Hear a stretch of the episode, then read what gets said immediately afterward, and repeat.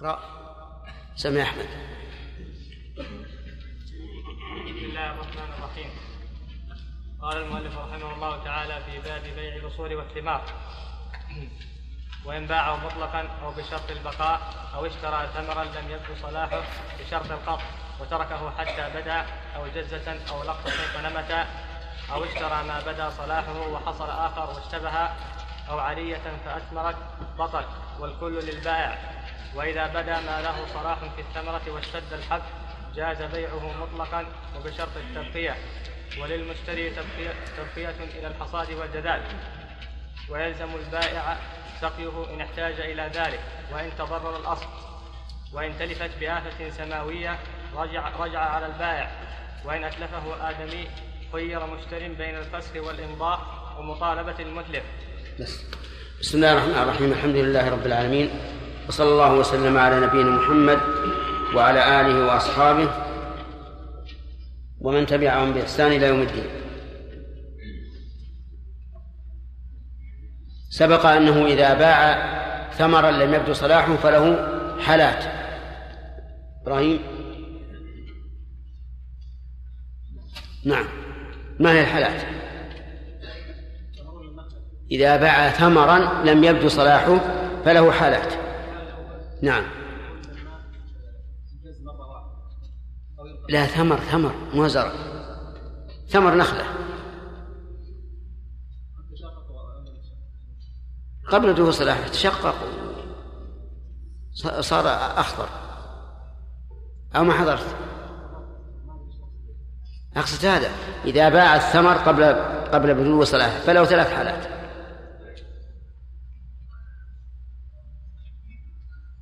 طيب. الحالة الأولى بشرط القطع في الحال نعم. يصح إن كان ينتفع به. هذا جائز إن انتفع به. الحالة الأولى إذا أن يشترط قطعه في الحال فهذا جائز إن انتفع به. طيب. ثانية. أي. لا ما نريد البيع الملك الأصل باع لأجنبي لا. الثمر. نعم. فؤاد.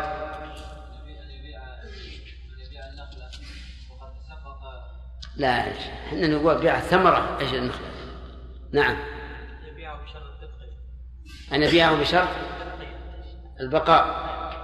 فما الحكم؟ ها؟ لا يصح. طيب.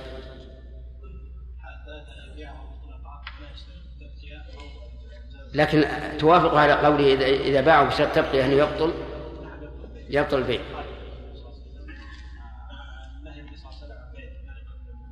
أحسنت. طيب. الثالث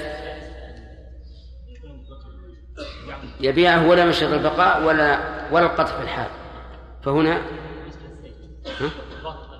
باطل. إيه طيب. فهمنا الآن؟ إذا باع الثمر قبل بلوغ صلاحه فله ثلاث حالات أن يبيعه بشرط القطع في الحال فهذا جائز لكن يشترط فيه إيش؟ أن ينتفع به فإن لم ينتفع به صار البيع حراما من جهة أنه إضاعة للمال. الثاني أن يبيعه بشرط البقاء فهذا لا يجوز لأنه مصادم للنص تماما. والثالث أن يبيعه ويسكت لا يقول القطع في الحال ولا البقاء فهذا أيضا لا يصح. لأن النبي صلى الله عليه وسلم نهى أن تباع الثمار حتى يبدو صلاحه. ثم قال المؤلف رحمه الله قال رحمه الله تعالى مبتدأ الدرس اليوم. أو اشترى ثمرا لم يبدو صلاحه بشرط قطع أو قبلها؟ نعم. وإن باعه مطلقا أي من غير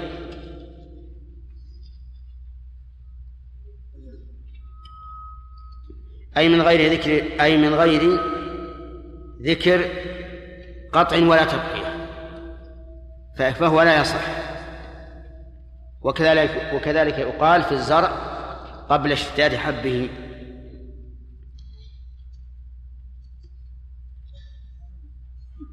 والثالثة قال أو بشرط البقاء فهو أيضا لا يصح.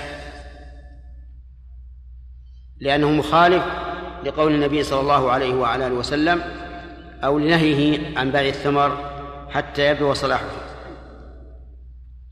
ثم قال أو اشترى ثمرا لم يبدو صلاحه بشرط القطع وتركه حتى بدا فإنه يبطل البيع.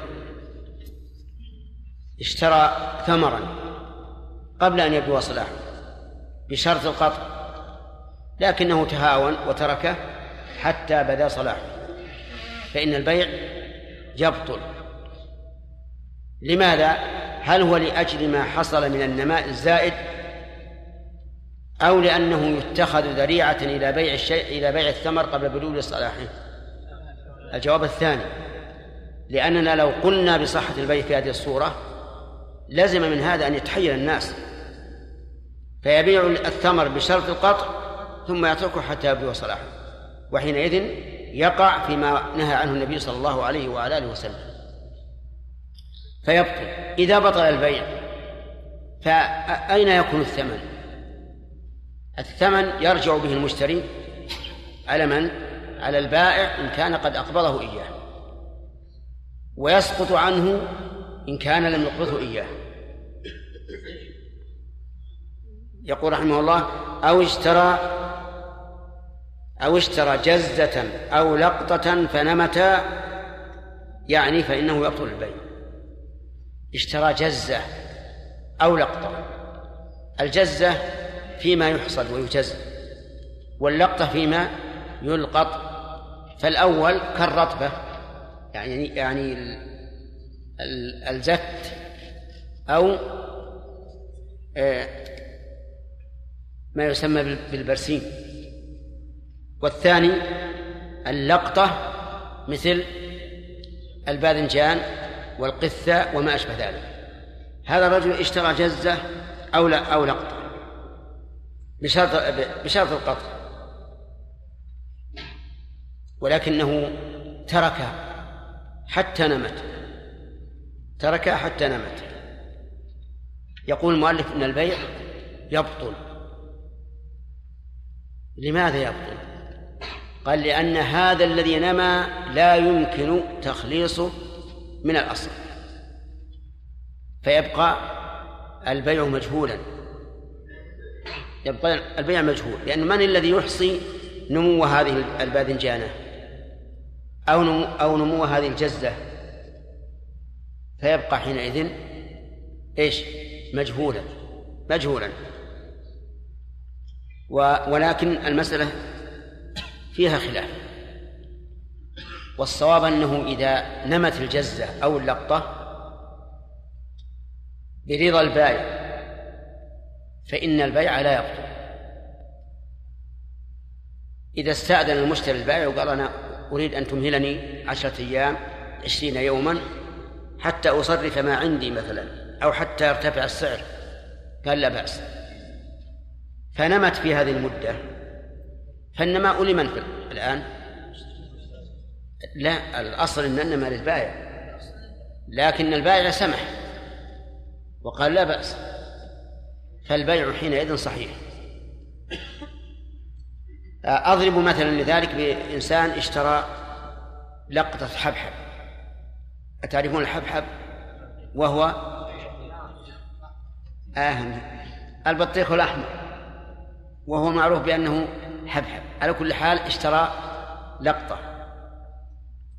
ثم قال للبائع أريد أن تمهلني عشرة أيام حتى يرتفع السعر لأن السعر ناقص. قال لا بأس.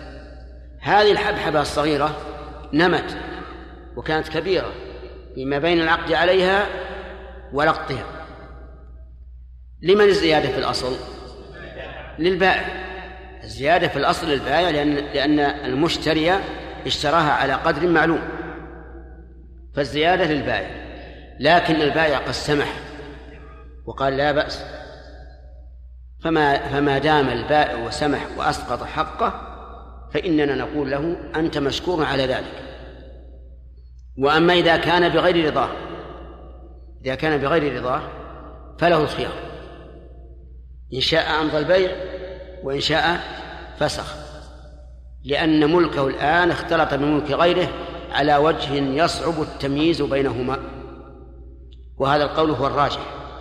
لأن هذا ليس كبيع الثمرة قبل بدو صلاحها وتترك حتى يبدو الصلاح إذ أن بيع الثمرة قبل بدو صلاحها وتترك حتى يبدو الصلاح مخالف لإيش؟ للنص. أما هذا ما في مخالفة للنص. وعلى هذا فنقول إن القول الراجح في هذه المسألة. إذا إذا اشترى جزة فنمت أو لقطة فنمت فإن كان برضا البائع فلا خيار له. كان برضا البائع لا خيار له. وإن كان بغير رضاه بأن تهاون المشتري حتى نمت وكبرت فإن له إيش؟ الخيار. إن شاء أمضى البيع لأن الزيادة له. فإذا رضي أن تكون للمشتري فلا حرج عليه. وإن شاء فسخ البيع لأن ملكه اختلط بملك غيره على وجه لا تمييز فيه والمفرط في ذلك من؟ المشتري. فيقال الخيار للبائع. هذا القول هو الراجح. طيب يقول أو اشترى أو اشترى ما بدا صلاحه وحصل وحصل آخر واشتبه واشتبه. فإن البيع يبطل. كيف هذا؟ نعم يمكن. في الزرع يمكن يتلاحق يكون أول الزرع قد اشتد في النخل أيضا في بعض النخيل تخرج بالسنة مرتين. فبيع الطلع الأول لأنه بدأ صلاحه. ثم نمى الثاني واشتبهنا. الأول من الثاني. يقول المؤلف إن البيع إن البيع يبطل. البيع يبطل.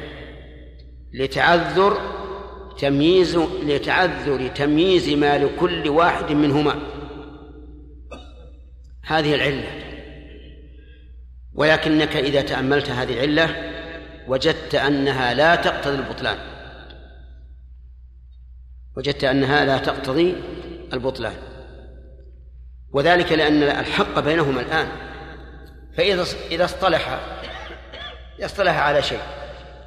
أو قال من من كانت له الثمرة الثانية قال هي لك لا أريدها. فما المانع من الصحة؟ ربما يقول قائل المانع من الصحة أن هذه الثمرة الأخيرة وقع عليها العقد قبل أن توجد أو وقع العقد عليها إن كانت قد وجدت قبل بدو صلاحها. قد يقول قائل هكذا. يعني ليست العلة الاختلاط والاشتباه. العلة أن هذه الثمرة الجديدة إما أن تكون مخلوقة عند بيع الأولى فيكون بيعها قبل بدو الصلاح وإما أن تكون معدومة فيكون ذلك بيع معدوم بيع معدوم. لكن يمكن أن يجاب على عن ذلك فيقال إن هذا ليس ببيع. تنازل من له الثمرة الثانية ليس بيعا ولكنه هبة وتبرع. ومعلوم أنه يجوز أن يتبرع الإنسان بثمر النخل قبل بدو صلاحه لأن المنهي عنه إنما هو البيع. وأما الهبة والتبرع فإن الموهوب له والمتبرع له إما كاسب وإما سالم إما غانم إن بقي الثمر وصلح وإلا وإلا سالم ما في غرر ولا جهالة ولا ميسر. وهذا القول الثاني أصح أنه إذا حصلت ثمرة واشتبهت بالأولى فنقول اصطلح اصطلح. فإن فإن تنازل من له الثمرة الثانية قال ما الكل عندي سواء. والثمرة التي حصلت بعد البيع هي له. فحينئذ نقول البيع يبقى ولا نزاع ولا خصوم.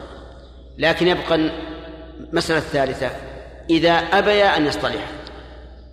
وأبى من له الثمرة الثانية أن يهبها للأول فماذا نصنع؟ يقول الفقهاء الذين قالوا بعدم بطلان البيع يقول يجبرون على على الصلح. يجبر البايع المشتري ومن له الثمرة الجديدة على الصلح. لأنه لا يمكن الانفكاك إلا بهذا. وكون نبطل البيع قد يكون فيه ضرر على البائع أو المشتري. إن كانت إن كان الأمور قد رخصت فالضرر على من؟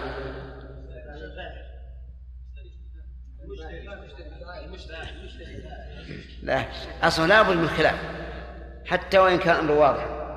إذا كان البيع قد قد نزل. فلا على البائع واضح ما في إشكال. وإن كانت الثمرة قد زادت قيمتها فالضرر على المشتري. ولهذا نقول نقول لهم إذا حكمنا ببطلان البيع صار ضرر. فلا بد أن تصطلح. فإن أبيا إلا بو... إلا بثالث يصلح بينهما قلنا لا بأس. نقيم ثالث يصلح بينهما وتنتهي تنتهي المشكلة. يقول رحمه الله وحصل آخر واشتبه. أو عرية فأتمرت. عرية فأتمرت. ما هي العرية؟ العرية هي شراء الرطب على رؤوس النخل بتمر قديم لمن احتاج إلى الرطب وليس عنده ثمن يشتري به فإنها تخرس الرطب حتى تكون مساوية للتمر القديم في الكيل ثم يشتريها صاحب التمر القديم وبشرط أن تكون خمسة أوسق أو أقل ومرت علينا أظن. طيب. هذا هذا الفقير الذي ليس عنده مال وعنده تمر قديم جاء للفلاح فقال له أنا محتاج للرطب بعني ثمرة هذه النخلة التي تأتي بعد يبسها آه، خمسين صاعا بخمسين صاع من التمر اللي عندي. يجوز أو لا؟ يجوز لأن يعني خمسين صاع أقل من خمسة أوسق وهذا محتاج وليس عنده مال. يجوز. أعطاه التمر. وهذاك تخلى عن النخلة. قبض التمر بماذا؟ بالكيل. وقبض النخلة بالتخل. صاحب النخلة الفلاح خلاها له. وذاك أعطاه التمر بالكيل. ثم إن المشتري تركها حتى أتمرت. حتى أتمرت. يقول المؤلف إن البيع يبطل. لأن الشرع إنما أجاز بيع الرطب بالتمر مع أن الأصل أنه محرم من أجل دفع حاجة هذا الفقير الذي هو محتاج لإيش؟ للرطب. والآن لما أهمل وتركها حتى أثمرت زالت العلة التي من أجلها أجاز الشرع بيع الرطب بالتمر. واضح يا جماعة؟ طيب إذن ما هي علة بطلان البيع؟ هي أن الحكمة التي من أجلها أبيح بيع رطب التمر إيش قد زالت ولا يمكن أن نفتح للناس باب الخداع نقول لو أن لو أننا صححنا البيع وألزمنا بائع النخلة ببقاء العقد تحير الناس على هذا. فلذلك يقول يقول مالك إن إذا اشترى عرية فبطل فأتمرت بطل البيع. ثم قال والكل للبائع. الكل في هذه المسائل كلها إذا بطل البيع رجع لمن؟ رجع للبائع لأنه ملك. ويأخذ المشتري الثمن من البائع إن كان قد أقبضه إياه وإن كان لم يقبضه إياه سقط عن ذمته. ثم قال وإذا بدأ إذا بدأ ما له صلاح في الثمرة. عندكم واشتد الحب أو أو اشتد؟ واشتد الحب جاز بيعه مطلقا وبشرط التبقية. أو اشتد؟ طيب هي أقرب والله أعلم. نعم. إذا بدا لا هي نسختين الظاهر ما فيها أو عندي بالواو. إذا بدا صلاح الثمر إذا بدا ما له صلاح في الثمرة واشتد الحب جاز بينه ما يعني بالثمرة؟ ثمرة النخل ثمرة العنب. كل ما يسمى ثمرا وهو ما تخرجه الأشجار. هذا الثمر. ما يخرج من الشجر ثمر. وما يخرج من من الأرض زرع. طيب يقول واشتد الحب حب إيش؟ حب الزرع جاز بيعه مطلقا يعني بدون شرط. ودليل الجواز أن النبي صلى الله عليه وسلم نهى عن بيع الثمر حتى يبدو صلاحه. وجه الدلالة أن حتى للغاية وما بعد الغاية مخالف لما قبلها. فإذا كان ما قبل بدو الصلاح محرما كان ما بعده إيش؟ جائزا. ونهى النبي صلى الله عليه وعلى آله وسلم عن بيع الحب حتى يشتد. فإذا كان نهي عنه قبل اشتداده وحتى للغاية فما بعد الغاية مخالف لما قبلها فيكون جائزا. وقول جاز بيعه مطلقا يبين الإطلاق قوله وبشرط التبقية. وبشرط التبقية. طيب وبشرط القطع؟ من باب أولى. من باب أولى. وعلى هذا فنقول في بيع بدو في بيع الثمار بعد بعد بدو صلاحها والحب قبل اشتدى حبه. نقول أيضا له ثلاث حالات كما قلنا فيما كان قبل ذلك. نقول ثلاث حالات. الحالة الأولى أن يبيعه بشرط القطع. فماذا يصح؟ يصح البيع ويقطع. والثانية أن يبيعه بشرط التبقية. جائز ولا غير جائز؟ جائز. نعم وهو كذلك المذهب وغير المذهب فيما أظن. والثالث أن يبيعه ويسكت فهو أيضا جائز. والدليل ما سمعتم من نهي النبي صلى الله عليه وسلم عن بيع الثمار حتى يبدو صلاحها وعن بيع الحب حتى يشتد أما مسألة الضمان وعدم الضمان فسيأتينا إن شاء الله تعالى فيما بعد. وبشرط التبقية وللمشتري تبقيته إلى الحصاد والجذاذ. نعم للمشتري أن يبقيه إلى الحصاد وهذا في الزرع والجذاذ وهذا في الثمر له أن يبقيه إلى الحصاد والجذاذ. طيب وله أن يجذه قبل؟ لماذا؟ لأنه ملكه. المشتري الآن ملك الثمر. له أن يجذها قبل أن يأتي أوان جذها وله أن يبقيها حتى يأتي أوان أوان جذها وكذلك في الزرع. له أن يحصده قبل وقت الحصاد وله أن أن يبقيه إلى وقت الحصاد لأن الأمر لأنه ملك. لكن هذا ليس على إطلاقه بل يقال بشرط ألا يتضرر الأصل. في يعني بشرط ألا يتضرر الأصل بعد تأخيره عن وقت الحصاد والجذاب فإن تضرر فليس له ذلك. ويقال إن ثمرة النخل إذا لم تجذ في أوان جذها ضر النخلة. فإذا ثبت قلنا للمشتري إذا جاء وقت الجذاذ لا بد أن تجذ ولا يمكن أن تؤخر. لما في ذلك من الضرر. كذلك بالحصاد. جاء وقت الحصاد وقال أنا ما عندي الآن ماكينة تحصد ولا عندي آلة. يقول لا بد أن تحصد الرجل يقول فرغ الأرض. أنا أريد أن أزرع الأرض زرع آخر. نقول نعم له ذلك. إذن قول المؤلف تبقيته إلى الحصاد والجذاب يفهم منه أنه ليس له أن يبقيه إلى ما بعد ذلك إلا برضا البائع وهو كذلك. نعم. ويلزم البائع سقيه إن احتاج إلى ذلك وإن تضرر الأصل يلزم البائع سقي سقي إيش؟ سقي الزرع وسقي الثمر. والمراد سقي الشجر. لكنه قيد ذلك بقوله إن احتاج إلى ذلك. إن احتاج إلى ذلك. بأن تكون الوقت حارا وتيبس أصوله فيضمر الثمر ويتغير. فنقول يلزم البائع يا عبد الله بن عوض وش يلزمه؟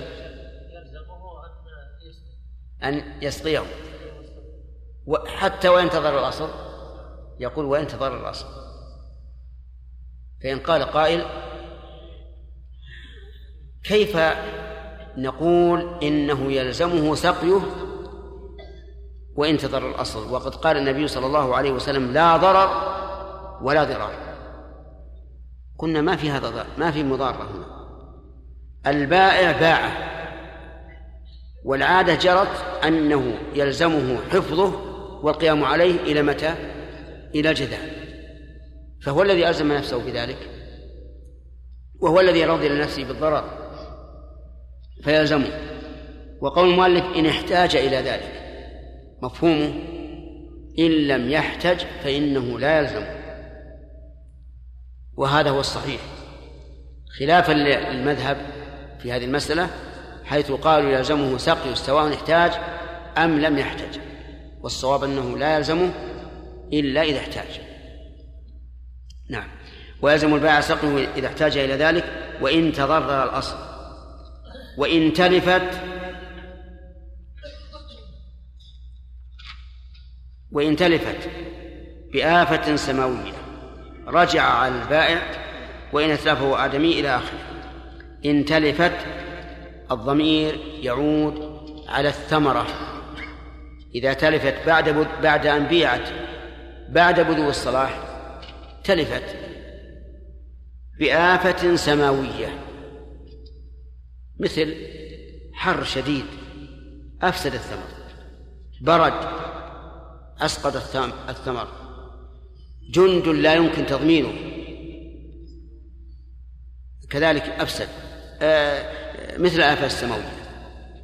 لأنه لا يمكن تضمين هذا الجن هذا الجند. آه، جراد أكلها.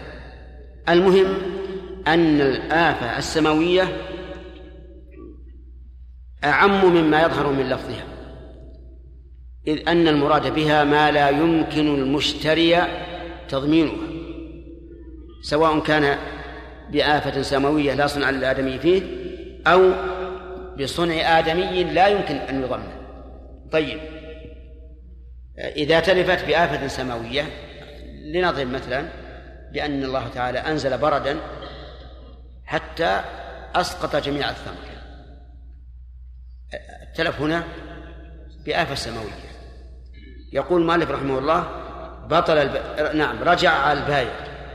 رجع على البائع. من من اللي يرجع؟ المشتري. يرجع على البائع. الدليل قول النبي صلى الله عليه وعلى آله وسلم إذا بعت من أخيك ثمرا فأصابته جائحة فلا يحل لك أن تأخذ منه شيئا بما تأخذ مال أخيك بغير حق. وثبت عنه صلى الله عليه وسلم أنه أمر بوضع الجوائح اللفظ الأول مفصل. إذا بعت من أخيك ثمرا فأصابته جائحة فلا يحل لك أن تأخذ منه شيئا بما تأخذ مال أخيك بغير حق. فإن قال البائع كيف أضمن؟ وهو في ملك المشتري أنت قلنا لأن بيعك إياه التزام منك إلى حفظه والقيام عليه حتى يأتي وقت الجدال حتى يأتي وقت الجزاء. فهي الآن في حفظك. وإن كان المشتري قد ملكها وله أن يجزها وله أن يبيعها لكنها مضمونة عليك لكونك أنت المطالب بحفظها إلى وقت الجزاء. طيب. إذا قدر أن المشتري تهاون في جذها في وقت الجزاء حتى جاء المطر فأفسدها. فهل يرجع على البائع؟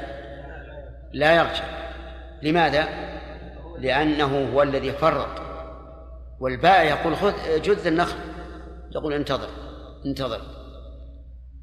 طيب فإذا قال المشتري أنا لي سيارات. أجد النخل وأحملها ولم تأتي السيارات بعد. وتركها حتى فات وقت الجلاد وتلفت بآفة سماوية. هل يرجع أو لا؟ لا يرجع. لأن هذا التفريط من من, من نفس المشتري. فلا يرجع على البائع بشيء. إذا كان الذي حصل على الثمر ليس تلفا ولكنه نقص. بمعنى أن بعض القنوان تغير حش صار حشفا. فهل يضمن البائع النقص؟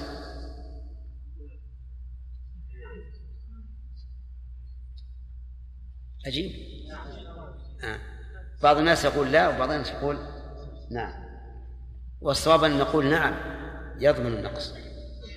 لأنه إذا ضمن الكل ضمن البعض. هذا التمر الذي حشف وصار لا لا يأكله إلا البهائم. هو كالتالف في الواقع. فضمان النقص على على من؟ على البائع طيب فإن كان النقص بسبب المشتري.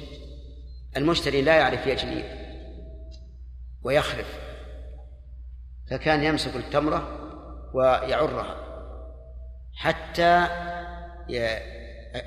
الشماريخ تتشقق ففسد الثمر فهل يضمنه البائع؟ ليش؟ لأنه من فعل المشتري لأنه من فعل المشتري ولهذا يراقب الفلاحون يراقب الذين يخرفون الثمرة. إذا كانوا لا يعرفون واختلت الثمرة قالوا نحن لا ضمان علينا. التفريط من المشتري والذي أفسدها. نعم. ثم قال وإن أتلف آدمي؟ نفسح المجال للسؤال. نعم. نعم. كيف؟ ما إيش؟ يلقط كيف؟ نعم. نعم. وقلنا أنه إذا في الوقت المذهب الجزء المذهب أنها تبطل والصحيح أنه لا. نعم. وش, وش معنى مطلق؟ يعني بشرط التبقية أو أو أو بشرط القطع أو أو بالسكوت. نعم. نعم. بعد أن بدأ صلاحه بعد أن بدأ صلاحه صلاح الثمر أي نعم. لا ما ما يصح. ما يصح. لأن لأنه إذا شرط عشرة أيام صار البيع انعقد بعد عشرة أيام وما نما في هذه المدة مجهول. أي. بلى. بدا بس لكن هذا ينمو ويزداد. أما أما ثمر النخل فهو قليل جدا. إذا نما بعد بلوغ الصلاح إنما فهو نماء قليل. نعم. شيخ إذا اشترط البائع على المشتري بأن صلاح الشجر والنخل على المشتري. بأن. بأن حفظ النخل من سقيا وغيره على المشتري. أي نعم. ووافق المشتري. ثم أصابته آفة السماوية نعم. هل الجائحة على على البائع الجائحة على البائع تكون حتى هذا الشرط في صحته نظر لأنه إذا اشترط عليه أن يسقيه. فهذا السقي ما قد يحتاج إلى كثير وقد يحتاج إلى قليل لأنه تبع الجو. إذا اشتد الحر ما يحتاج إلى ماء كثير. فيكون هذا مجهولا ويعود بالتالي إلى جهالة الثمن. الشيخ هذا باطل؟ والله هو للبطلان أقرب. نعم. شيخ إذا إذا تلف إذا تلف الثمر وكان المشتري قد اشترى الثمرة مع أصل هل يكون على البائع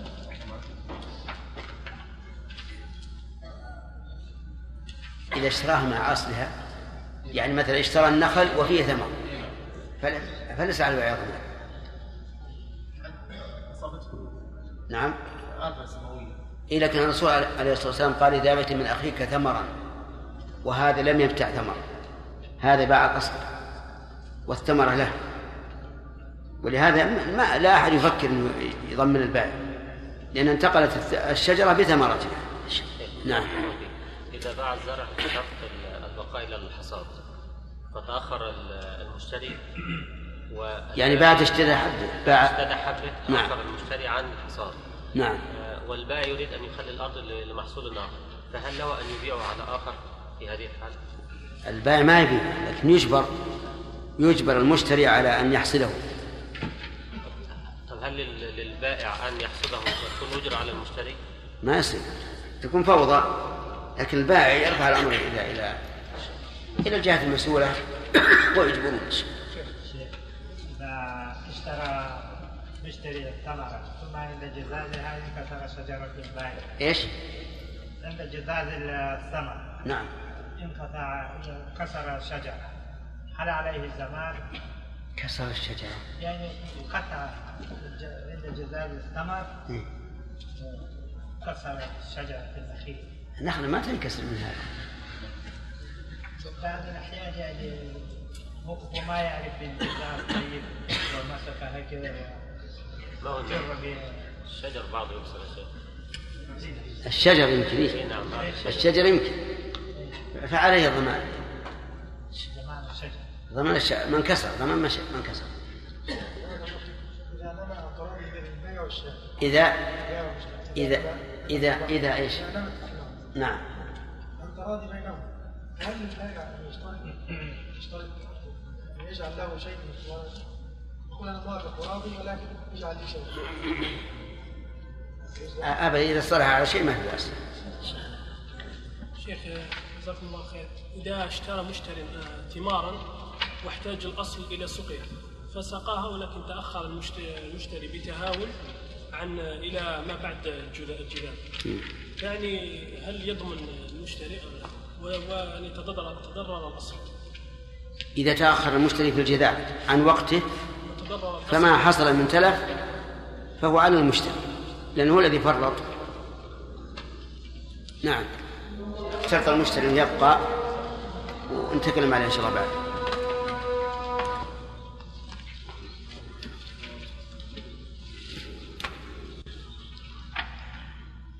اللهم رب هذه الدعوة التامة والصلاة والسلام على محمد الوسيلة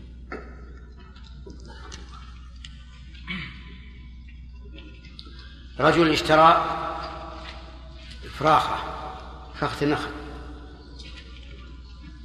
وطلب من البائع أن يبقيه إلى آخر السنة. فهل يصح هذا أو لا يصح؟ على مقتضى قواعد المذهب أنه لا يصح لأن الذي ينمو مجهول فيعود إلى جهالة المبيع. لكن الصحيح أنه لا بأس به لأن هذا النماء نماء يسير ومعلوم أو يكاد يعني يكاد يكون يكون معلوما. ولا ولا يعد الناس هذا جهل جهالة. الصواب أن هذا لا بأس به. نعم. إذا الذي عليه الجذاب يتضرر بسقي الأصل لا تضرر ثمر وإنما فوات كمال كما يقول القشر ونحو بسبب الماء. فهل يلزم صاحب الأصل أن لا يسقي في هذا؟ أي نعم. إذا علم أن أن سقي ال- الأصل يضر الثمرة فإنه يمنع. لأن- أي ما المهم أنه يضره فهذا إذا كان ضمانه على البائع فما له أن لا يجوز أن يمكن مما يضر. نعم. يقول يا شيخ حفظك الله لو أن إنسان اشترى تمر يعني اشترى ثمرة وقال لل- للبائع إن أذنت أن تبقى إلى وقت الجلال فأذن البائع وقال له المشتري يعني بعد بدو الصلاح. بعد بدء الصلاه نعم. قال له المشتري على الإطلاق سواء أصابها جائحة أو- لم تصبها جائحة فالمال له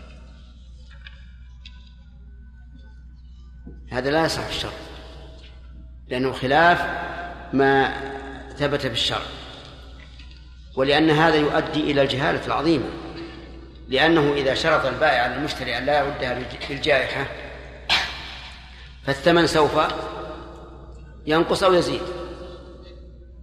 أسألك يا ياسر إذا اشترط البائع على المشتري ألا يردها بالجائحة الثمن ينقص أو يزيد؟ السؤال ياسر ينقص ولا يزيد؟ إذا اشترط الجائحة إذا قال البائع للمشتري أشترط عليك أنها إذا أصيبت بجائحة فإنك لا ترجع عليه الثمن يزيد أو ينقص؟ يزيد. وش تقولون؟ ينقص ينقص. ينقص ما في شك. إذا نقص مثلا إذا قدرنا أنه لو رجع على البائع تساوي مئة. وإذا اشترط عليه ألا يرجع تساوي ثمانين. فهنا قد تصيبها الجائحة بأكثر من عشرين. لأن الذي الفرق الآن عشرين في المئة. قد تصيبها جائحة بأكثر من عشرين. وقد لا تصيبها جائحة. فإن أصيبت بجائحة أكثر من عشرين فالمتضرر من؟ المشتري. المشتري. وإن لم يصبها فالمتضرر البائع. وحينئذ يكون هذا شبيها بالميسر والميسر حرام. تعليل النبي صلى الله عليه وسلم يكون يعني قيدا يعني بما تأخذ مال أخيك بغير حق. إي نعم. هل يشترط مراضاة المشتري هذا بعد بعد ان يقع بعد ان يقع تقع الجائحه لا باس ان يتسامح الوقت انتهى الوقت إيه. اسمي عندنا طيب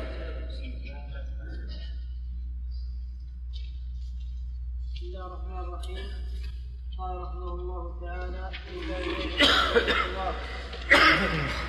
وإن أتلفه آدمي خير مشتر بين الفسخ والإمضاء ومطالبة المتلف. المتلف. ومطالبة المتلف.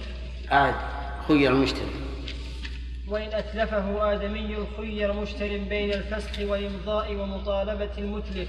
بين الفسخ والإمضاء ومطالبة ومطالبة المتلف. يعني الإمضاء تابع لما بعده. نص الشيخ نعم. بين الفسخ والإمضاء. إيه، بين الفسخ والإمضاء ومطالبة المتلف وإن أتلفه آدمي خير مشتر بين الفسخ والإمضاء ومطالبة المتلف.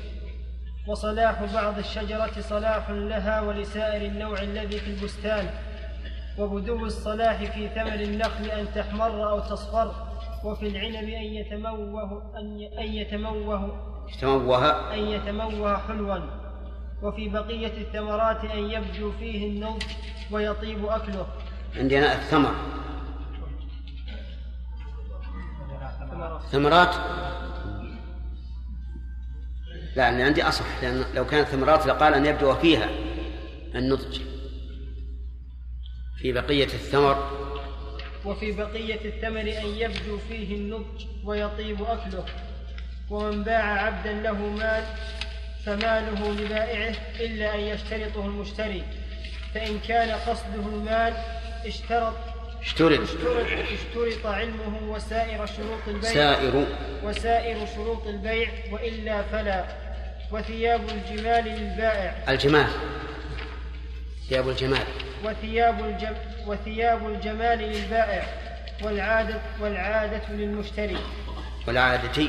والعادة للمشتري بسم الله الرحمن الرحيم. الحمد لله رب العالمين وصلى الله وسلم على نبينا محمد وعلى آله وأصحابه ومن تبعهم بإحسان إلى يوم الدين. إذا بدأ الصلاح في الثمر يا عبد الله عوض كم صورة لبيعه؟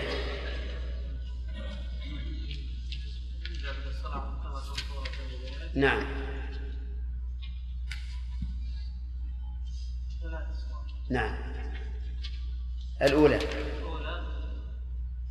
يكون من جنس واحد قطع شرافي. نعم. أن يبيعه مطلقا. ما معنى مطلقا؟ يعني لا يشترط بقاء ولا قطعا. طيب. هذه واحد نعم والثالث أن يبيعه بشرط القطع في الحال آه، ما هو الجائز من هذه الصور الثلاث؟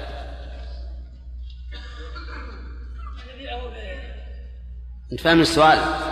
باعه بعد بدو صلاحه فله ثلاث صور فما هو الجائز من هذه الصور الثلاث؟ والصورتان باقيتان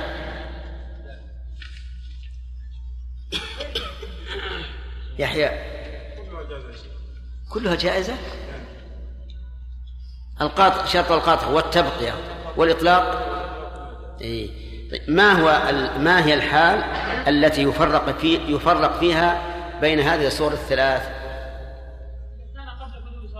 إذا كان قبل بدو صلاح فصل. إذا باع الثمر مو العين من النخلة أو الشجرة باع الثمر قبل بدو الصلاح نعم. إذا باعه مطلقا فإنه الصورة الأولى أن يبيعه مطلقا. والثانية؟ يعني أن يبيعه بشرط والثالثة؟ يبيعه بشرط القطع ما هي الصور أو الصورة التي يجوز فيها البيع؟ إذا باعه بشرط القطع أما بشرط التبقية أو على الإطلاق فإنه لا يصح. طيب الدليل على أنه لا يصح. خالد. النبي صلى الله عليه وسلم نهى عن بيع الثمر حتى يبدو صلاحه تمام. أن النبي صلى الله عليه وسلم نهى عن بيع الثمر حتى يبدو صلاحه ما الذي خصص صورة القطع أنها جائزة والحديث عام. أحمد. نعم يأمن الحكمة من النهي العاهة نعم. نعم إذا قطع أمن العاهة فإذا شرط القطع أمن العاهة أمن العاهة تمام. يعني إذن هذا التخصيص يسمى التخصيص بالعلة. كذا؟ طيب. توافقون على هذا يا جماعة؟ طيب. باعه بشرط القطع ولكنه تركه حتى نمى يلا. إيش الحكم؟ باعه بشرط القطع وصح البيع كما سمعتم لكنه تركه حتى نمى. إيش اللي يجوز؟ ما الذي لا يجوز؟ لكن ترك. يا جماعة خلينا نناقش الطالب. أنا أرى لا ترفعوا أيديكم أو تشيروا إلى الإجابة حتى يخلص. نعم. ها؟ لا هذا من باب الإيهام والإيهان والتخذير يلا ها السؤال الآن باع هذا الثمر ثمر النخل وهو لم يلون ولكن أو بشرط القطع ولكن المشتري تركه حتى نام وبدا صلاحه إيه وش اللي ما يجوز؟ يعني يبطل البيع قصدك؟ يبطل البيع توافقون على هذا؟ تمام. يوافقون على هذا لأنه يتخذ حيلة إلى بيع الثمر قبل بدو صلاحه بهذا الشرط ثم يفعل. طيب باع جزة حاضرة بشرط معروف بشرط القطع وتركها حتى نمت.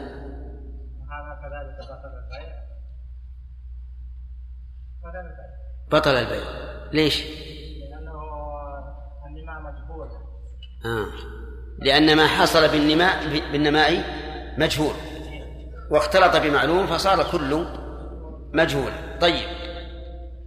هذا أفهمتم يا جماعة؟ إذا اشترى جزة برسيم حاضر. ثم تركها. لم يجزها في الحال بقيت حتى نمت. فهداية الله يقول بطل البيع لأن هذا الذي حصل هذا النماء الذي حصل مجهول ولا غير مجهول؟ مجهول ما ندري وش قدره لأن النمو يكون بالطول ويكون بالتضخم ولا ندري وش مقداره. فيبقى مجهولا. فالسؤال هل هناك قول آخر في المسألة؟ نعم. وهو؟ إذا اصطلح. نعم. إذا اصطلح فلا بأس. طيب وإذا وإذا أسقط البائع حقه من النماء. جاز أيضا. توافقون على هذا؟ آه، وهذا هو الراجح. هذا هو الراجح لأنه ليس هناك نهي كالثمر قبل بدو الصلاح إنما هو لحق البائع والبائع إذا أسقط حقه أو صالح المشتري فلا بأس.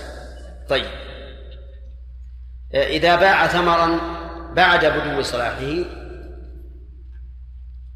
فمن فمن الذي يلزمه ضمانه ومراعاته بسقي أو غيره من مصالحه؟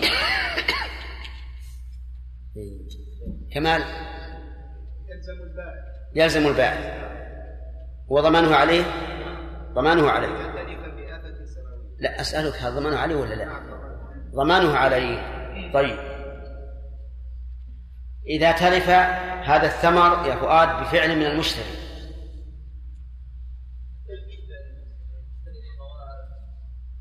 فهل على البائع ضمان؟ توافقون؟ صحيح. لأن الضمان لو ضمنه البائع فهو المشتري والمشتري الآن هو الذي أضاع ماله وفرط طيب. لو تلف بآفة سماوية علي. تلف بآفة سماوية فإن الضمان على البائع الضمان على البائع الدليل؟ أن الرسول صلى الله عليه وسلم أمر بوضع الجوائح أن النبي صلى الله عليه وسلم أمر بوضع الجوائح وقال إذا بعت من أخيك ثمرا فأصابته جائحة فلا يحل لك أن تأخذ منه شيئا بما تأخذ مال أخيك بغير حق. نعم. آه، إذا أتلفه آدمي لا يمكن تضمينه كالجنود واللصوص وما أشبه ذلك. ها؟ أخذناه بارك الله فيك. لكن لعلك نائم في ذلك الوقت. نعم. آدم. ها؟ خير يخير المشتري. بارك الله فيك. ما يمكن تضمينه المتلف. جنود عظيمة. نزلت جنود السلطان بهذا الحائط وأكلته. ولا يمكن تضمينه.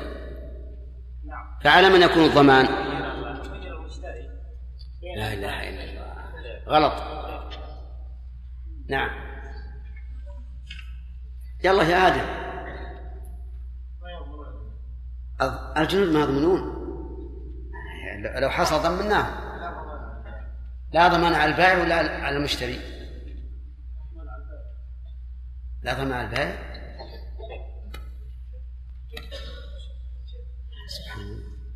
نعم. ناصر. الأخ. ها؟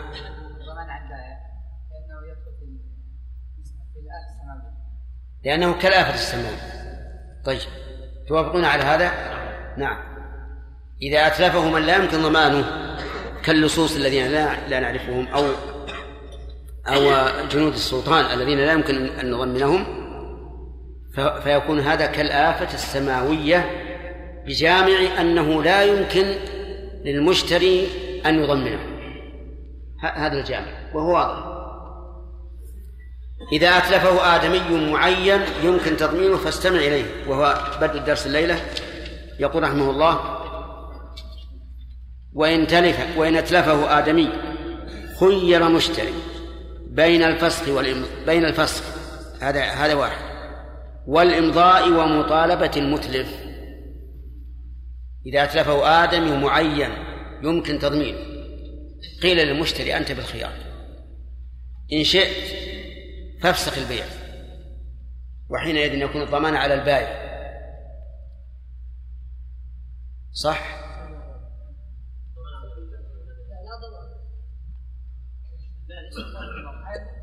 لا إله إلا الله. يا إخوان أتلفه آدمي معين يمكن تضمينه. قلنا للمشتري الذي اشترى الثمرة أنت بالخيار. إن شئت فافسخ البيع. وإذا فسخ البيع على من يرجع؟ البائع. تمام.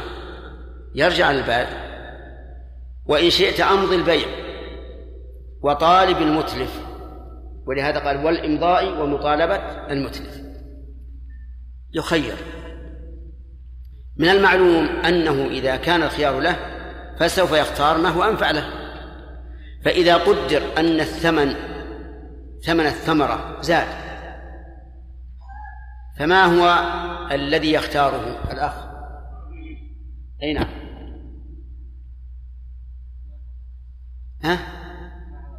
ما حضرت. طيب. إبراهيم؟ يختار الإمضاء إذا قدر أن ثمن الثمرة قد زاد يختار الإمضاء وهذا جمال. تخالفه؟ ها؟ ليش تشر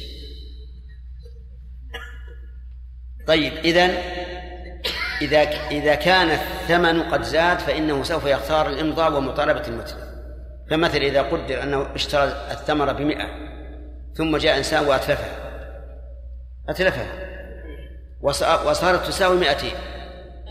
أيما أحسن؟ أن يفسخ البيع ويأخذ مئة من البائع والبائع يرجع المتلف بمئتين أو أن يأخذ من المتلف مئتين. الثاني لا شك.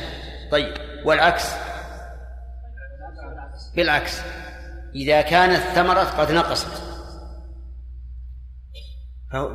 فسيختار الرجوع فسيختار الفسخ ويرجع على البائع وكذلك لو كان المتلف مماطلا أو فقيرا والبائع غنيا فسيختار إيش؟ الفسخ وبالعكس. بالعكس يختار الامضاء طيب على كل حال هذه الحكمة. فإذا قال قائل كيف تخيرونه بين الفسخ والإمضاء؟ والثمرة ملكه وقد تلفت على ملكه. انتبهوا لهذا السؤال مهم. يعني لو قال قائل إذا تلفت بآفة سماوية فمن المعلوم أنه لا يحل لا يحل للبائع أن يأخذ من المشتري شيئا بنص الحديث والمعنى المعقول لكن إذا أتلفه آدمي معين. فلماذا لا نقول إنه لا يخير في الفسخ لأن الثمرة تلفت على ملك من؟ الملك المشتري. على ملك المشتري. وإذا تلفت فليطالب من أتلفها. لأنه لأنه ملكه. قلنا هذا سؤال وجيه. ووارد. لكن لما كانت الثمرة في ضمان البائع صح أن نقول للمشتري إن شئت إيش؟ فافسخ البيت لأنها وإن كانت بملكك أيها المشتري لكنها في ضمان من؟ في ضمان البائع. فهذا وجه. لكن لو قيل بأنه لا لا يستحق الفسخ لكان له وجه. لأن حقيقة الأمر أن أن الثمرة تلفت في ملكه ومطالبة المتلف ممكنة فلا يرجع للبائع نعم لو لو فرضنا أن البائع مفرط ورأى الرجل قد صعد الشجرة ليجذ الثمرة فحينئذ نقول القول بأنه يخير بين الفسخ وبين الإمضاء ومطالبة المتلف قول وجيه. يقول رحمه الله وصلاح بعض الشجرة صلاح لها ولسائر النوع الذي في البستان. صلاح بعض الشجرة. صلاح لها كلها. ولسائر النوع الذي في البستان. مثال ذلك البستان فيه أنواع من التمر. نعد ثلاثة أنواع.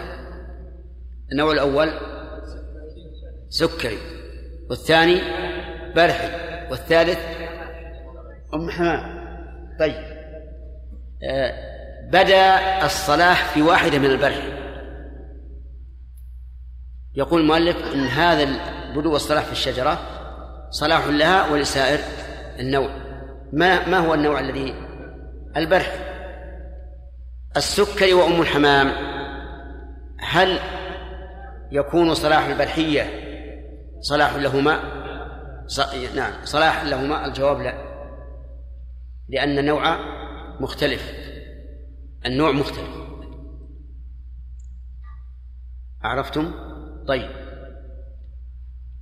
وظاهر كلام المؤلف أنه سواء بيع النوع جميعا أو بيع تفريدا. يعني بأن بعنا التي بدأ صلاحها وانتقل ملكها إلى المشتري ثم بعنا البقية من نوعها. على آخرين. ظاهر كلام المؤلف إيش؟ أن هذا صحيح. حيث ذكر أن صلاح بعض الثمرة آه، صلاح لها ولسائر النوع الذي في البستان. وهذا أحد القولين في مذهب الإمام أحمد. أنه إذا بدا صلاح في شجرة فهو صلاح لها ولسائر النوع. الذي في البستان. أما المذهب فيقولون إن بيع النوع جميعا فصلاح بعض الشجرة صلاح للنوع لأنه لما بيع جميعا صار كأنه نخلة واحدة صار كأنه نخلة واحدة وصلاح بعض النخلة صلاح لجميعها.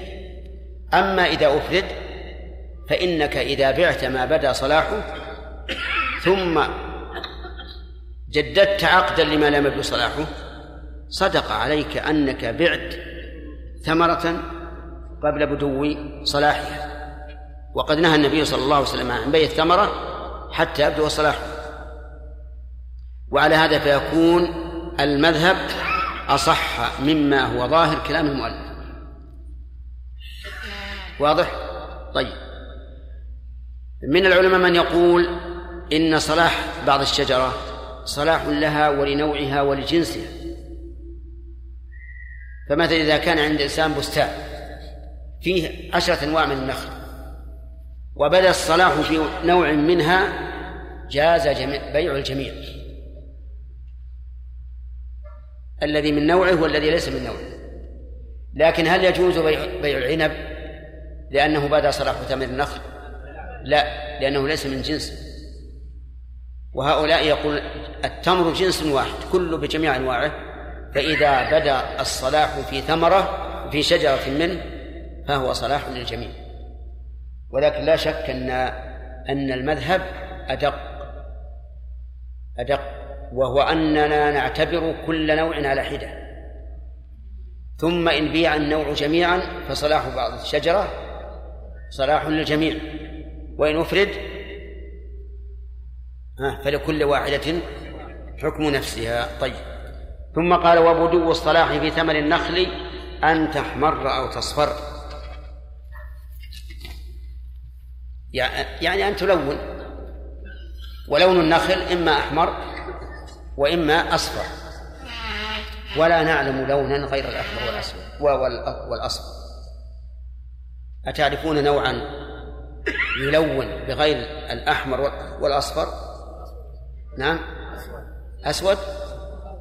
فيه فيه نخل يصير لونه أسود؟ لا الرطب غير. هذا الذي يلون هو البلح. قبل أن يكون رطبا وقبل أن يكون تمرا.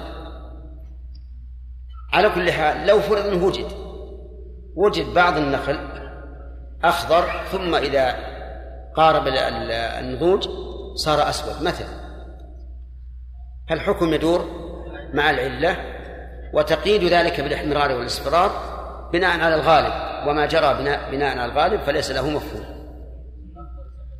في العنب أن أن وفي العنب أن يتموه حلوا.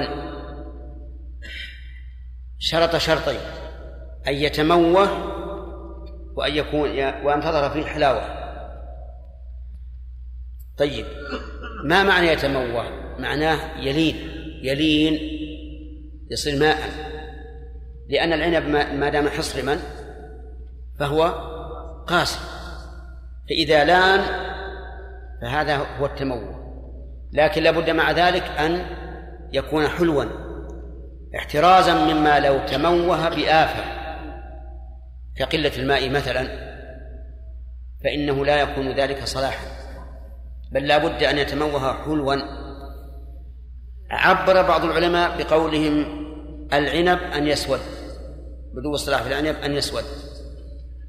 قياسا على إيش؟ تلوين النخل.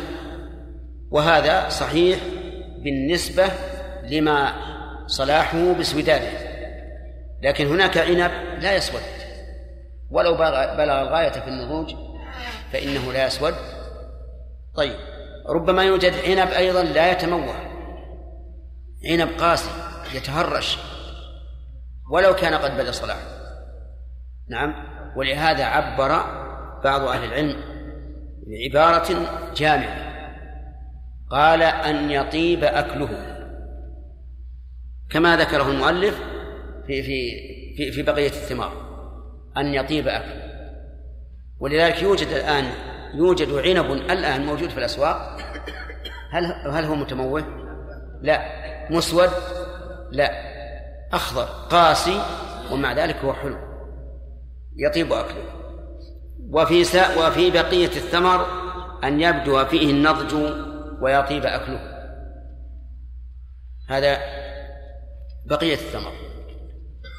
وكلها تدور حتى ثمار النخيل وثمار العنب وغيره كلها تدور على إمكان أكله واستساغته لأنه إذا وصل إلى هذا الحد أمكن الانتفاع به وقبل ذلك لا يمكن الانتفاع به إلا على كره. وهو أيضا إذا وصل إلى هذا الحال من النضج قلت الآفات فيه والعاهات. ثم قال ومن باع عبدا له مال فماله لبائعه إلا أن يشترطه المشتري. من باع عبدا كلمة عبدا هنا تشمل العبيد والإماء العبيد والإماء يعني من باع مملوكا. له مال فماله لبائعه قد يبدو للإنسان أن هناك تناقضا في العبارة. له مال ثم قال فماله لبائعه فعلى هذا يرد على المال الواحد كم؟ مالكان وهذا غير ممكن. أن يرد على مال واحد مالكان في من جهة واحدة. لكن قوله ومن باع عبدا له مال اللام هنا ليست للملك ولكنها للاختصاص. كما تقول للفرس لجام وللدابة مقود وما أشبه ذلك. فاللام هنا إيش؟ للاختصاص. إذن ما هو المال الذي يكون للعبد؟ هو المال الذي اختصه آه، سيده به وقال خذ أيها العبد خذ هذا المال اتجر به سكرا أو رزا أو سيارات أو غيره أعطاه إياه. قال هذا بيدك أنت بعه واتجر به. نقول هذا المال لمن؟ المال للسيد ملكا وللعبد اختصاصا. طيب. إذا عبدا له مال إضافة مال إلى العبد هنا إضافة اختصاص. طيب. فماله لبائعه. هذه اللام في لبائعه لام الملك أو الملك يعني التملك المال للبائع. الدليل قول النبي صلى الله عليه وسلم ومن باع عبدا له مال فماله للذي باعه إلا أن يشترط المبتاع. إلا أن يشترط المبتاع. طيب وهنا نسأل هل العبد يملك بالتمليك أو لا؟ يعني لو أن إنسانا رأى عبدا عليه ثياب رثة ويحتاج إلى ثياب تقيه البرد فملكه ثوب قال خذ هذا ثوبا لك. هل يملك هذا الثوب؟ عموم قول الرسول صلى الله عليه وسلم فماله للذي باعه؟ يشمل ما كان بيده اختصاصا أو تملكا وأنه لا يملك. وقال بعض أهل العلم إنه يملك بالتمليك وفصل آخرون فقال يملك بالتمليك من سيده دون غيره لأن تمليك سيده إياه يعني رفع ملكه عن هذا الذي ملكه إياه. والحق للسيد. وعلى هذا يكون ما ملكه سيده ملكا له. ليس لسيده فيما بعد أن يرجع فيه على سبيل آه الأخذ يعني الرجوع في الهبة وللعبد أن يتصرف فيه كما شاء بدون إذن السيد لأنه ملكه. وظاهر الحديث العموم فماله للذي باعه. حتى لو قلنا يملك بالتملك. ما ملكه مال له ولا غير مال. يعني لو قلنا العبد يملك بالتملك من السيد صار الذي ملكه السيد له. إذا كان له دخل في عموم قوله صلى الله عليه وسلم فماله للذي باعه طيب إذا مات العبد وبيده مال أعطاه السيد إياه يتجر به وللعبد ابن. حر. فمن الذي يرث هذا المال؟ ها؟ اي السيد أعطاه إياه. قال هذا لك يا ولدي. ملك. أنت رجل وفيت وأديت هذا ملك. وكان لهذا العبد ابن حر نعم. أي إن قلنا بأنه يملك بالتمليك فماله لابنه. وإن قلنا لا فماله للسيد قال إلا أن يشترطه المشتري. يشترطه ألها في يشترط يعود على المال. على المال يا عبد الله. من هو اللي قال؟ محمد. أجل أخطأ. لأن المشتري ما يشترط السيد اللي باع. نعم. إذن الضمير في قوله يشترطه الهاء. تعود على المال فإذا اشترط المشتري المال فهو له. للحديث وهو نص فيه إلا أن يشترطه المبتاع هو نص في ذلك. وحتى لو لم يرد النص على هذا فإن عموم قول الله تبارك وتعالى يا أيها الذين آمنوا أوفوا بالعقود يشمل هذا. لأن الوفاء بالعقود يشمل الوفاء بأصل العقد ووصف العقد. والشروط المشروطة في العقد إيش؟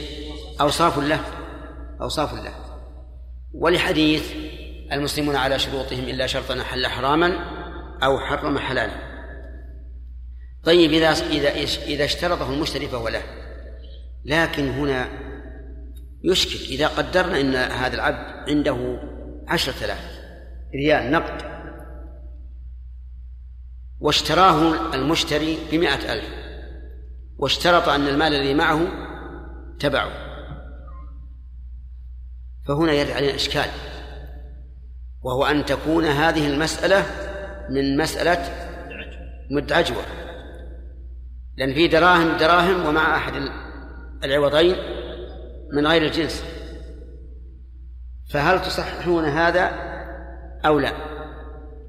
يقول المؤلف فيه تفصيل فإن كان قصده المال اشترط علمه وسائر شروط البيع وإلا فلا. إذا كان المشتري الذي اشترط أن مال العبد له إذا كان قصده المال فلا بد من شروط البيع. كل شروط البيع. الثمانية ولا بد أن يكون سال خاليا من من الربا. وإلا فلا.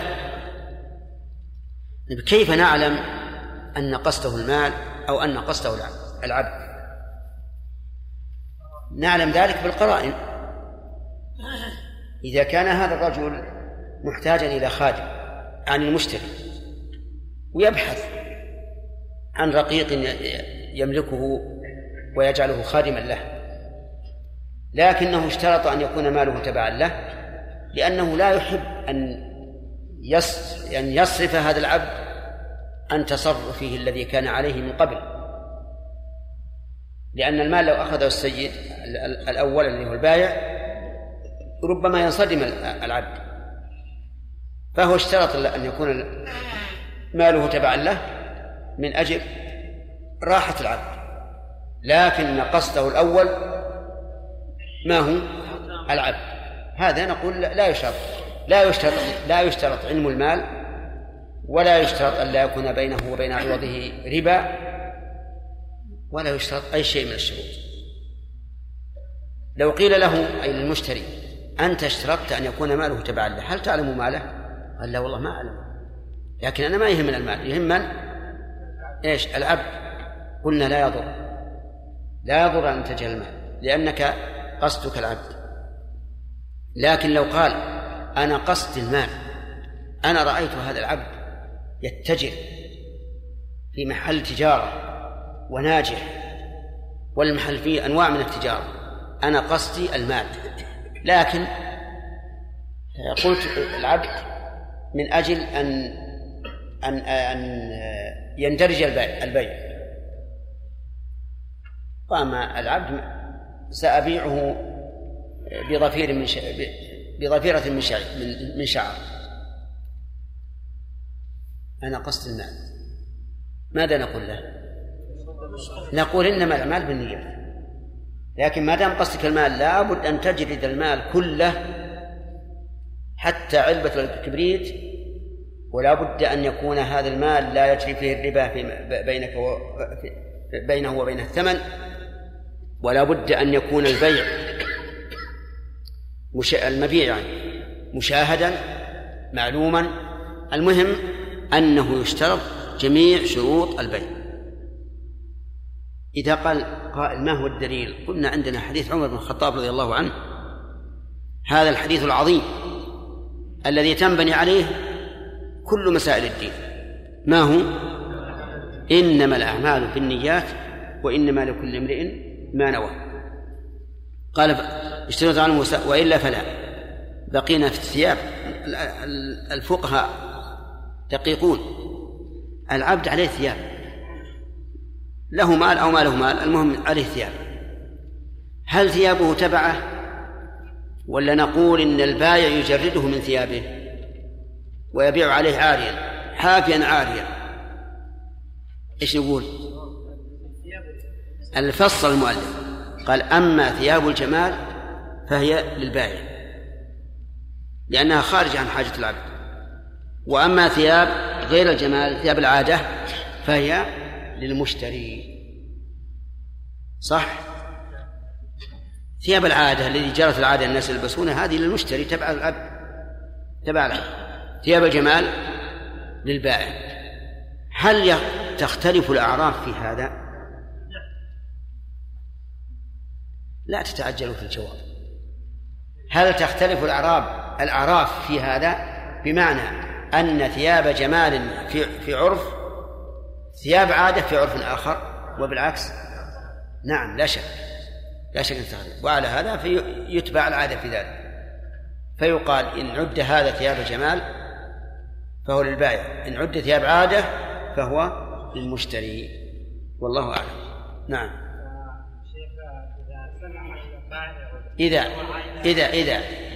باع العبد البائع إذا باع العبد البائع. إذا باع العبد البائع تمام. وصنع له عينا عينا إثنائية عين إيه. وإذا باع على المشتري وقال هذا عين لا حول ولا قوة إلا بالله. وش هذه الصورة يا هداية الله؟ هذا ليس من ثياب هذه أشد من ثياب العادة. نقول انك عين وعطية نقول اقلع على العين وعطى البايع حتى البايع وش يستفيد منه؟ هو أسنان الذهب إيه؟ العين ذهب؟ لا ما في على كل حال هذه معروف أنها تتبع العبد ولا إشكال فيها هي أبلغ من ثياب العاده عرفت؟ فإن خاف المشتري أن يغشمه البايع ويقول اقلع عينه يشترط العين يقول ترى عينه معه لكن لعلك تقلب المسألة وتقول مرايات. العبد عليه مرايات؟ يعني نظارات في العين. هل تتبعه في البيع ولا لا؟ إن كانت إن كانت جمال. إن كان جمال هذه من حاجات لا تتبع. من ناحية نظارات جمال؟ نظارات شمسية نعم. إذا على كل حال إذن حكمها حكم الثياب. ما احتاج إليه العبد منها فهي تبع العبد. وما لا فلا. طيب إذا كان عنده مرايات للنظر ومرايات للقراءة حاجة كلها. كلها. تتبع كلها؟ لأنه محتاج إليها. نعم. مراجعة إلى المراجعة. المراجعة أظن من من منين؟ من باب الأصول والثمار طيب. إذا ن- نقسمها قسمين فيها مراجعة وتسميع. قسمين يكون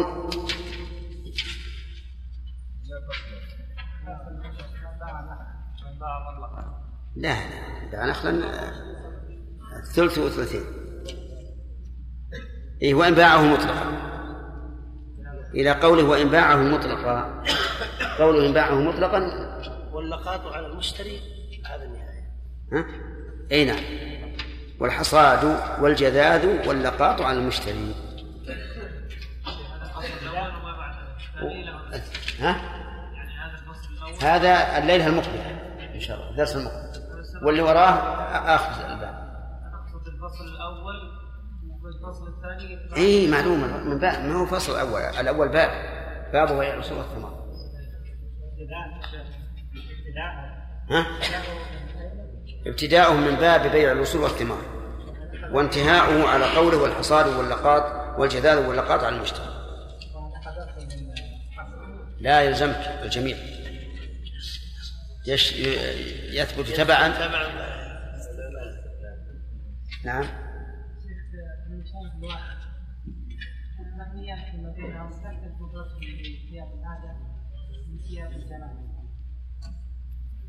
اي نعم. يت- يتبع العرف في هذا. ربما عبيد الأغنياء ليسوا كعبيد الفقراء. اي اي نعم. الكلام على العبيد. أقول عبد الغني الإنسان اللي سيده غني لباس العادة عنده ثياب جمال عند من سيده فقير نعم شرافة.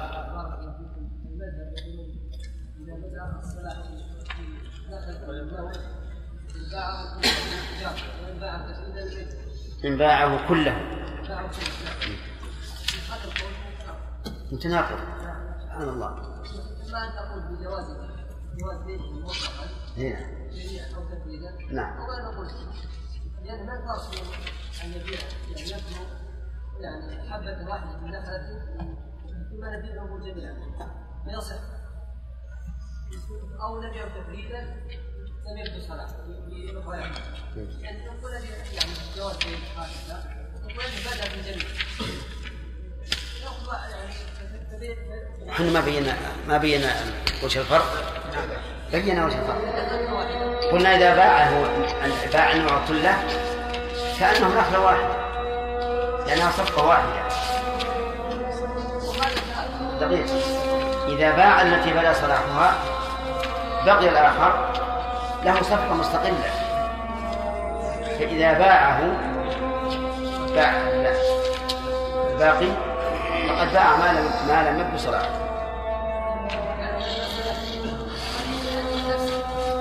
ما فيها تناقض. تأملها تأملها الله أكبر. الله أكبر. صلى الله على محمد اللهم. والصلاة والسلام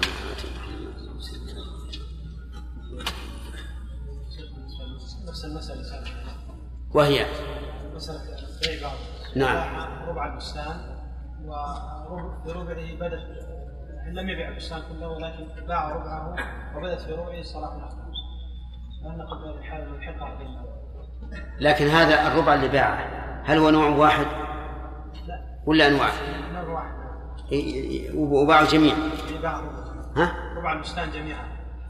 إيه، ربع البستان جميعا وهو من نوع واحد وبدأ الصلاح في واحدة منه يصح. نعم. أنت ما أخذت عبد الله؟ نعم. والله الزيتون شيخ. تبيعه بدون صلاح إيش؟ الزيتون إي نعم. لماذا يعرف بدون صلاح؟ ها؟ لماذا يعرف بدون صلاح؟ والله يع- يعرفه أهل الصمت وما هو الآن ما يتغير طعمه إلا إذا قطع وخلي إذن يقال إنه يباع جزة جزة مثل البطيخ. لقطة لقطه يباع لقطة لقطه لقط. إذا بلغ ال- الغاية أن يعرفونها يباع. إذا الأرض نعم. فيه لقطة هل نقول يوقف؟ يتبع. يعني ليس للبائع إذا باع أن يوقفه يكون وقف. أي أي هذه ينبني على الخلاف في في مسألة إذا نمى. ولا الأصل إنه ي- يجبر عليه في الحال. وإلا وإلا يتفق مع المشتري بأن يبقى بسهم. نعم. لماذا جاز بيع النخلة التي بدا صلاحها نفس النوع الذي لم يبيعه جميعا سمعت مشكلة؟ من يجيب عنه؟ نعم.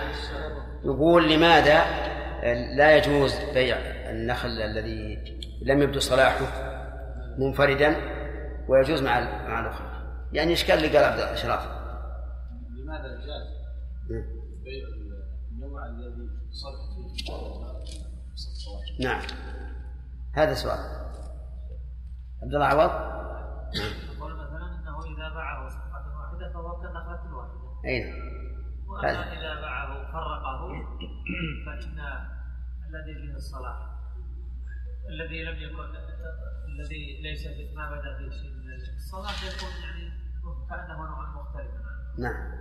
من عند النبي النبي صلى الله عليه وسلم الآن مثلا إذا بعت النوع واحد جميعا فقد بعت تمرا بدأ صلاة. لا بس الجميع صفقة واحدة. أي إذا كان صفقة واحدة البيعة واحدة ولهذا النخلة الواحدة لو كان مثل فيها أربعة قنوان وبدأ الصلاح في قنو واحد. هل نقول ما لا يصح بيع الأربعة الثانية؟ يصح. فالمهم أنه إذا كان صفقة واحدة فالنوع الواحد كنخلة واحدة. نعم. ولهذا نقول البيع إما أن يبيعه تفريقا وتفريدا فلكل واحدة حكم نفسه أو يبيع نوعا منه صفقة واحدة فيكفي إيش؟ بدو الصلاح في واحدة أو يبيع البستان كله بجميع أنواعه فلا بد أن يكون من كل نوع نخلة واحدة قد بدا صلاحه. نعم. انتهى الوقت. جرى قل يا إبراهيم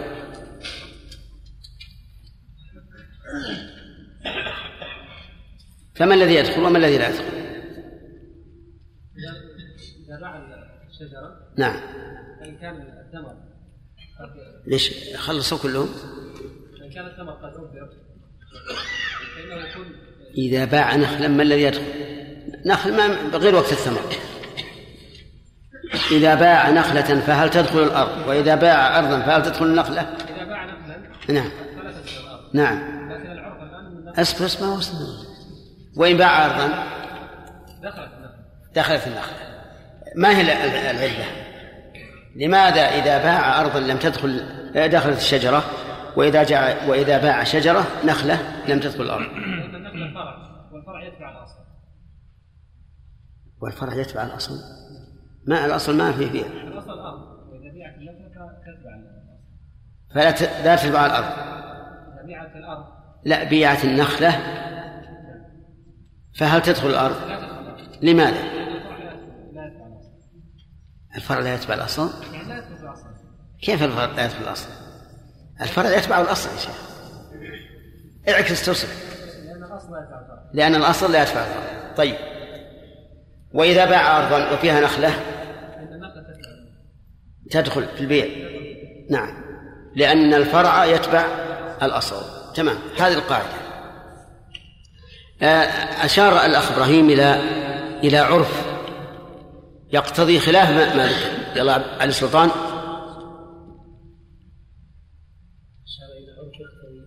خلاف ما ذكر. العرف هو أنه الآن إذا باع النخل. يقصدون به النخل أي الأرض نعم. إذا قال فلان باع نخله على فلان. فيقصدون به الأرض. الأرض والنخل. الأرض والنخل. هذا العرف. طيب إذا تعارض العرف واللغة أو العرف والقاعدة الفقهية فما الذي يقدم؟ يتعارض العرف والقاعدة الفقهية نعم. هو العرف لأن الناس هنا يتبايعون بأعراف. أحسنت. يقدم العرف. تمام. وعلى هذا فإذا كتب إذا وجدنا وثيقة أن فلانا بن فلان باع نخله على فلان بن فلان نقول هذا يشمل كل الحائط أرضه وثمره وشجره. طيب إذا باع أرضا ما الذي يدخل في البيع؟